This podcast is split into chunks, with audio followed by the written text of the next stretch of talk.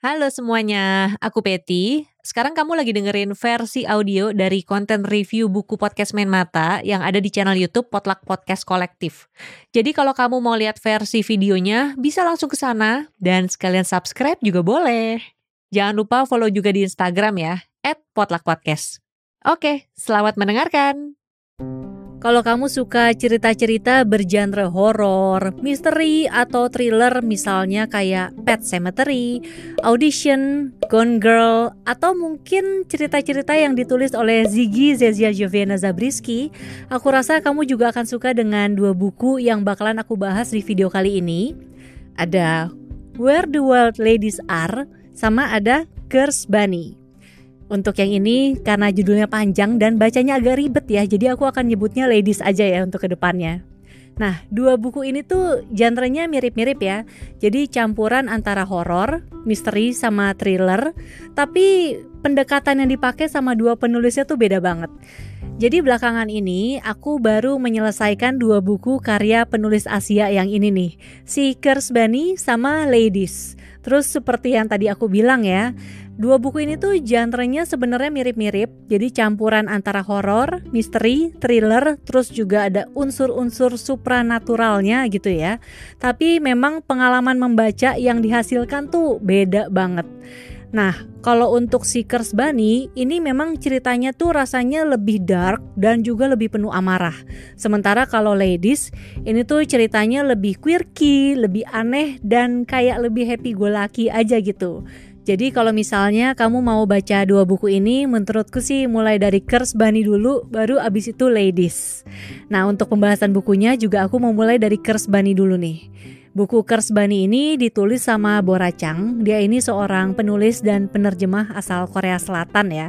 Bora Chang ini udah nerbitin sebenarnya ada tiga novel sama tiga kumcer, tapi yang baru diterjemahkan ke dalam bahasa Inggris itu baru yang Kersbani dan sekarang juga udah ada versi bahasa Indonesianya ya, diterjemahin dan diterbitin sama penerbit Haru. Si Kersbani ini sendiri waktu tahun 2022 kemarin tuh masuk ke dalam daftar pendek International Booker Prize. Isinya tuh ada 10 cerita pendek yang ditulis dalam rentang waktu 20 tahun. Gila ya. Nah, aku sempat baca nih, jadi Buah Racang ini waktu tahun 2022 itu juga sempat jadi tamu virtual di acara Makassar International Writer Festival. Nah, di situ Buah Racang cerita kalau kisah tertua yang dia tulis dalam buku Kersbani ini ditulis tahun 98 dan kisah terbarunya itu dia tulis tahun 2013.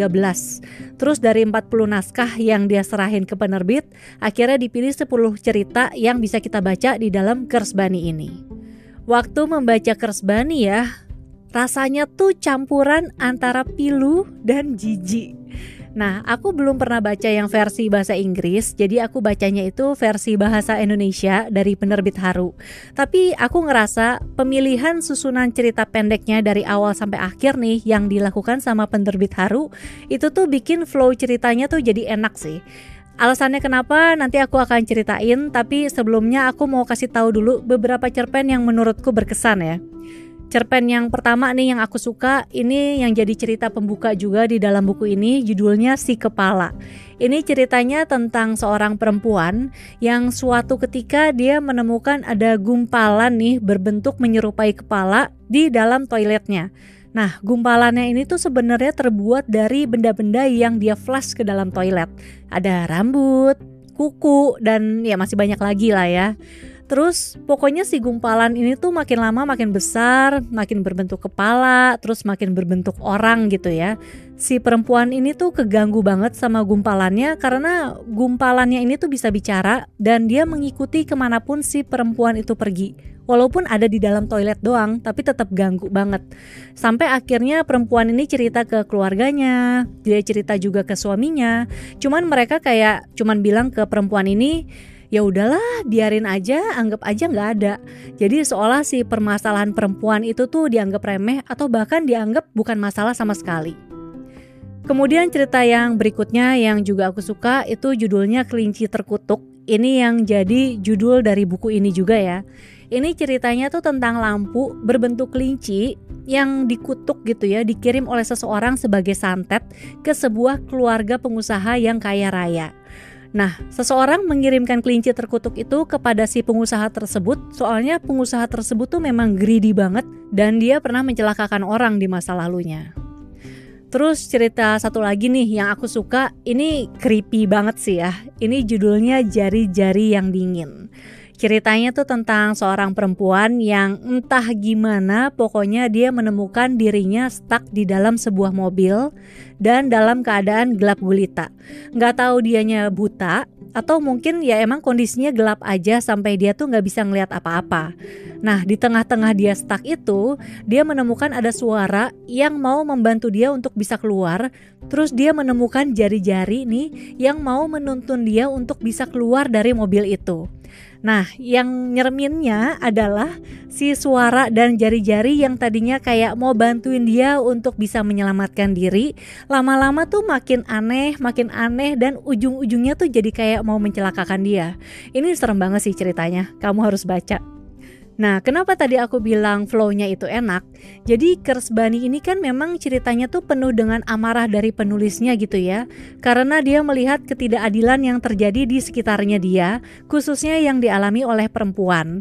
Jadi dari awal sampai tengah ceritanya, kita tuh kayak diajak untuk menyelami amarah si penulis nih. Ceritanya tuh bener-bener intens, bener-bener bikin kita kayak mengeringitkan dahi, bikin kita geleng-geleng kepala gitu. Kemudian kemudian dari tengah menuju ke akhir cerita ini tuh kayak tensnya tuh udah mulai turun. Jadi amarahnya tuh sudah mulai reda tapi berganti dengan kekecewaan kemudian juga mungkin dengan semacam penerimaan ya bahwa ya hidup itu memang tidak adil. Miris sih memang. Tapi overall aku cukup suka dengan cerita-cerita yang ada di dalam Curse Bunny ini. Karena itu tadi ya Genrenya tuh macam-macam jadi kayak bisa mendapatkan macam-macam cerita dengan benang merah si creepy, pilu dan agak-agak jijik. Cuman memang ada satu cerita yang aku kurang serak sih kalau buatku sendiri ya. Itu yang judulnya Bekas Luka. Karena menurutku ceritanya agak terlalu bertele-tele dan memang ini cerita pendek yang paling panjang di dalam buku ini. Lanjut ke buku Ladies. Kalau buku Ladies ini ditulis sama Matsuda Aoko. Dia ini penulis dan penerjemah dari Jepang. Matsuda ini juga udah nerbitin beberapa buku dan buku Ladies ini tuh waktu itu terbit tahun 2020. Dia juga sempat masuk ke dalam daftar Best Fiction Book 2020 versi Time. Udah ada yang bahasa Inggris juga berarti, tapi aku bacanya versi bahasa Indonesia yang diterbitin sama penerbit Haru juga. Buku Ladies ini menurutku menarik banget ya. Tadi kan aku udah bilang nih, genrenya mirip-mirip sama Curse Bunny. Campuran horor, thriller, misteri, supernatural. Tapi pengalaman membacanya tuh beda banget. Di dalamnya tuh ada 17 cerita pendek yang semuanya tuh sebenarnya terinspirasi dari cerita horor tradisional di Jepang yang kemudian sama penulisnya itu diinterpretasikan kembali ya menjadi cerita-cerita yang lebih kontemporer. Nah, terus juga sama kayak di Indonesia nih. Kalau cerita horor di kita kan biasanya nih si penderita itu selalu atau kebanyakan perempuan ya. Jadi perempuannya kan menderita, kemudian dia mati, lalu karena dia mau balas dendam, maka dia bangkit kembali dalam wujud hantu. Ternyata di cerita horor Jepang tuh juga nasibnya kurang lebih mirip-mirip. Tapi menariknya Matsuda ini berhasil membuat atau menciptakan karakter perempuan nih, baik perempuan yang masih hidup maupun perempuan yang sudah dalam bentuk hantu ya terutama, itu tuh karakternya jadi lebih kuat, punya suara, dan penulis tuh juga mau mencoba mematahkan stereotipe gender. Kemudian serunya juga memang cerita-ceritanya tuh ada balutan satir dan juga komedi. Jadi cerita horornya tuh nggak terasa menakutkan karena ada unsur-unsur lucunya gitu ya. Walaupun tetap ada sih yang bikin kita merinding, tapi karena ada komedinya, terus juga ada kisah-kisah yang romantis, ada yang manis, itu tuh bikin keseluruhan pengalaman membacanya tuh jadi terasa menyenangkan gitu. Terus juga karakter-karakter di dalam setiap ceritanya sebenarnya tuh saling nyambung satu sama lain dengan cerita yang lain, tapi tetap bisa kita baca secara terpisah juga. Kalau aku sendiri agak sulit ya memilih favoritnya yang mana karena cerpennya sendiri ada banyak, ada 17 dan yang aku suka juga lumayan banyak gitu. Tapi aku akan sebutin beberapa aja ya. Misalnya yang pertama nih, ini yang jadi cerita pembuka juga di buku ini, judulnya itu Memoles Diri. Ceritanya tuh tentang seorang perempuan yang dia tuh abis patah hati karena putus dari cowoknya. Cowoknya itu selingkuh, kemudian dia kayak susah move on gitu. Terus dia memutuskan untuk dia memoles diri, dia berdandan dan dia pengen bikin badannya tuh kelihatan mulus dengan dia tuh nyukur bulu-bulu di tubuhnya. Soalnya kalau tubuhnya mulus, dia beranggapan akan ada cowok-cowok lain yang tertarik. Nah, suatu ketika, pokoknya bibinya yang udah meninggal datang dalam bentuk hantu. Jadi, bibinya ini berusaha untuk menyemangati dia dan membangkitkan lagi kepercayaan dirinya. Caranya gimana? Adalah dengan dia tidak nyukur bulunya, jadi harus dibiarin tumbuh. Itu lucu banget sih. Terus ada juga yang judulnya yang perempuan dapat lakukan. Kalau ini lebih manis ya. Ceritanya tuh tentang seorang hantu perempuan yang nemenin seorang anak yang ditinggal ibunya karena ibunya ini harus pergi kerja setiap hari. Jadi ibunya nih ibu tunggal, udah bercerai dan gak tahu gimana ceritanya. Pokoknya suaminya itu tidak menafkahi keluarganya. Jadi dia harus kerja keras dan harus ninggalin anaknya. Nah hantu perempuan ini akhirnya nemenin anaknya selama ibunya itu bekerja.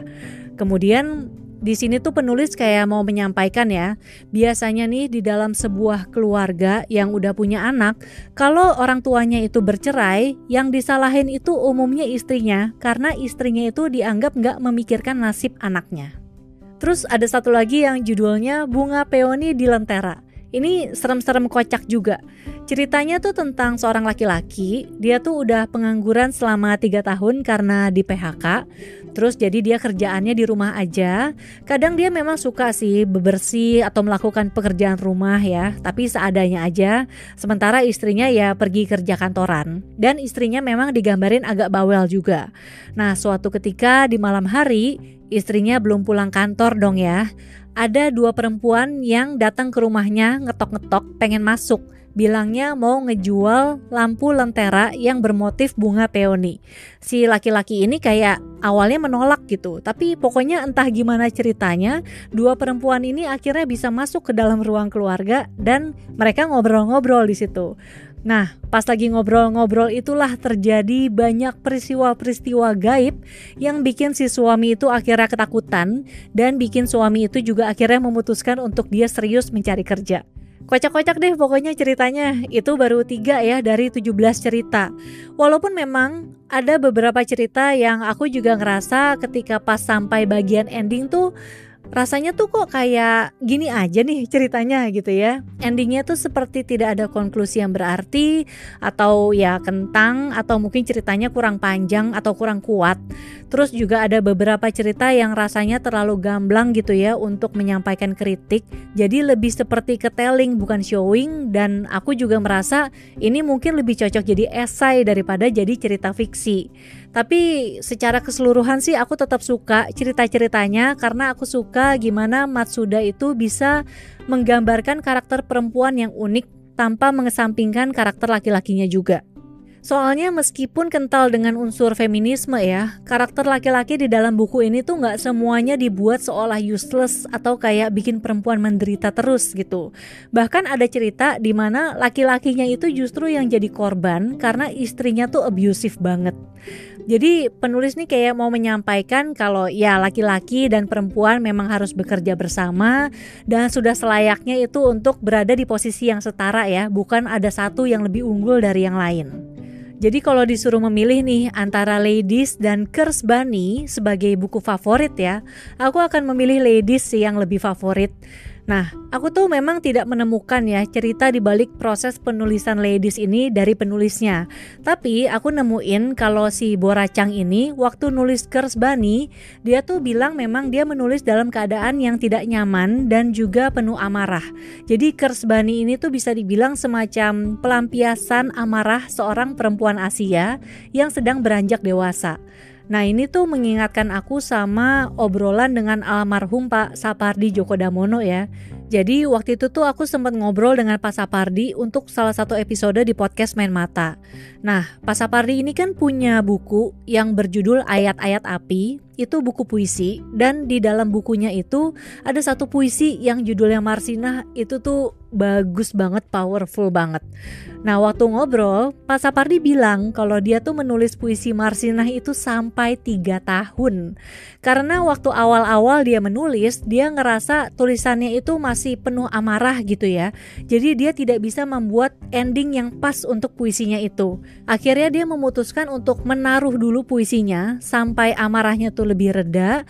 Kemudian akhirnya baru dia visit ulang tulisannya itu dan setelah itu dia bisa menyelesaikannya dan ya endingnya tuh melegakan buat dia. Aku sendiri sih pas baca puisi Marsina, waduh itu tuh berkesan banget sih puisinya. Kamu tuh harus baca. Dan kalau misalnya kamu tertarik juga dengerin obrolan sama Pak Sapardi, nanti aku juga akan taruh linknya di deskripsi video ini. Jadi mungkin itu juga ya yang menjadi alasan kenapa aku lebih suka Ladies ketimbang Kersbani. Walaupun dua-duanya sama-sama bagus. Tapi perasaan yang ninggal nih setelah membaca Ladies itu tuh bukan amarah yang meletup-letup yang seolah merasa dunia ini tidak adil gitu ya. Walaupun memang iya, tapi rasanya tuh lebih pesannya dapet nih, kritiknya dapet, cuman lebih menenangkan gitu sih. Nah, satu lagi ya yang patut diacungi jempol juga dari dua buku ini adalah terjemahannya. Itu terjemahannya mantep banget, mulus banget. Si Kers Bani ini diterjemahkan oleh Dias Putri dan kalau Ladies ini diterjemahkan oleh Asri Pratiwi Wulandari. Di yang Ladies ini bahkan aku ngerasa penerjemahnya tuh berusaha mengimplementasikan kelokalan kita nih ke dalam ceritanya, tapi dia juga tidak menghilangkan esensi kejepangannya. Cakep deh. Nah, jadi teman-teman, kalau misalnya kamu tertarik juga sama dua buku ini, ntar link ke pembeliannya juga akan aku taruh di deskripsi video ini. Pokoknya kamu harus baca. Oke, sekian dulu video kali ini. Terima kasih sudah menonton. Kalau misalnya kamu suka dengan videonya, boleh di like. Kalau tidak suka, di dislike juga tidak apa-apa.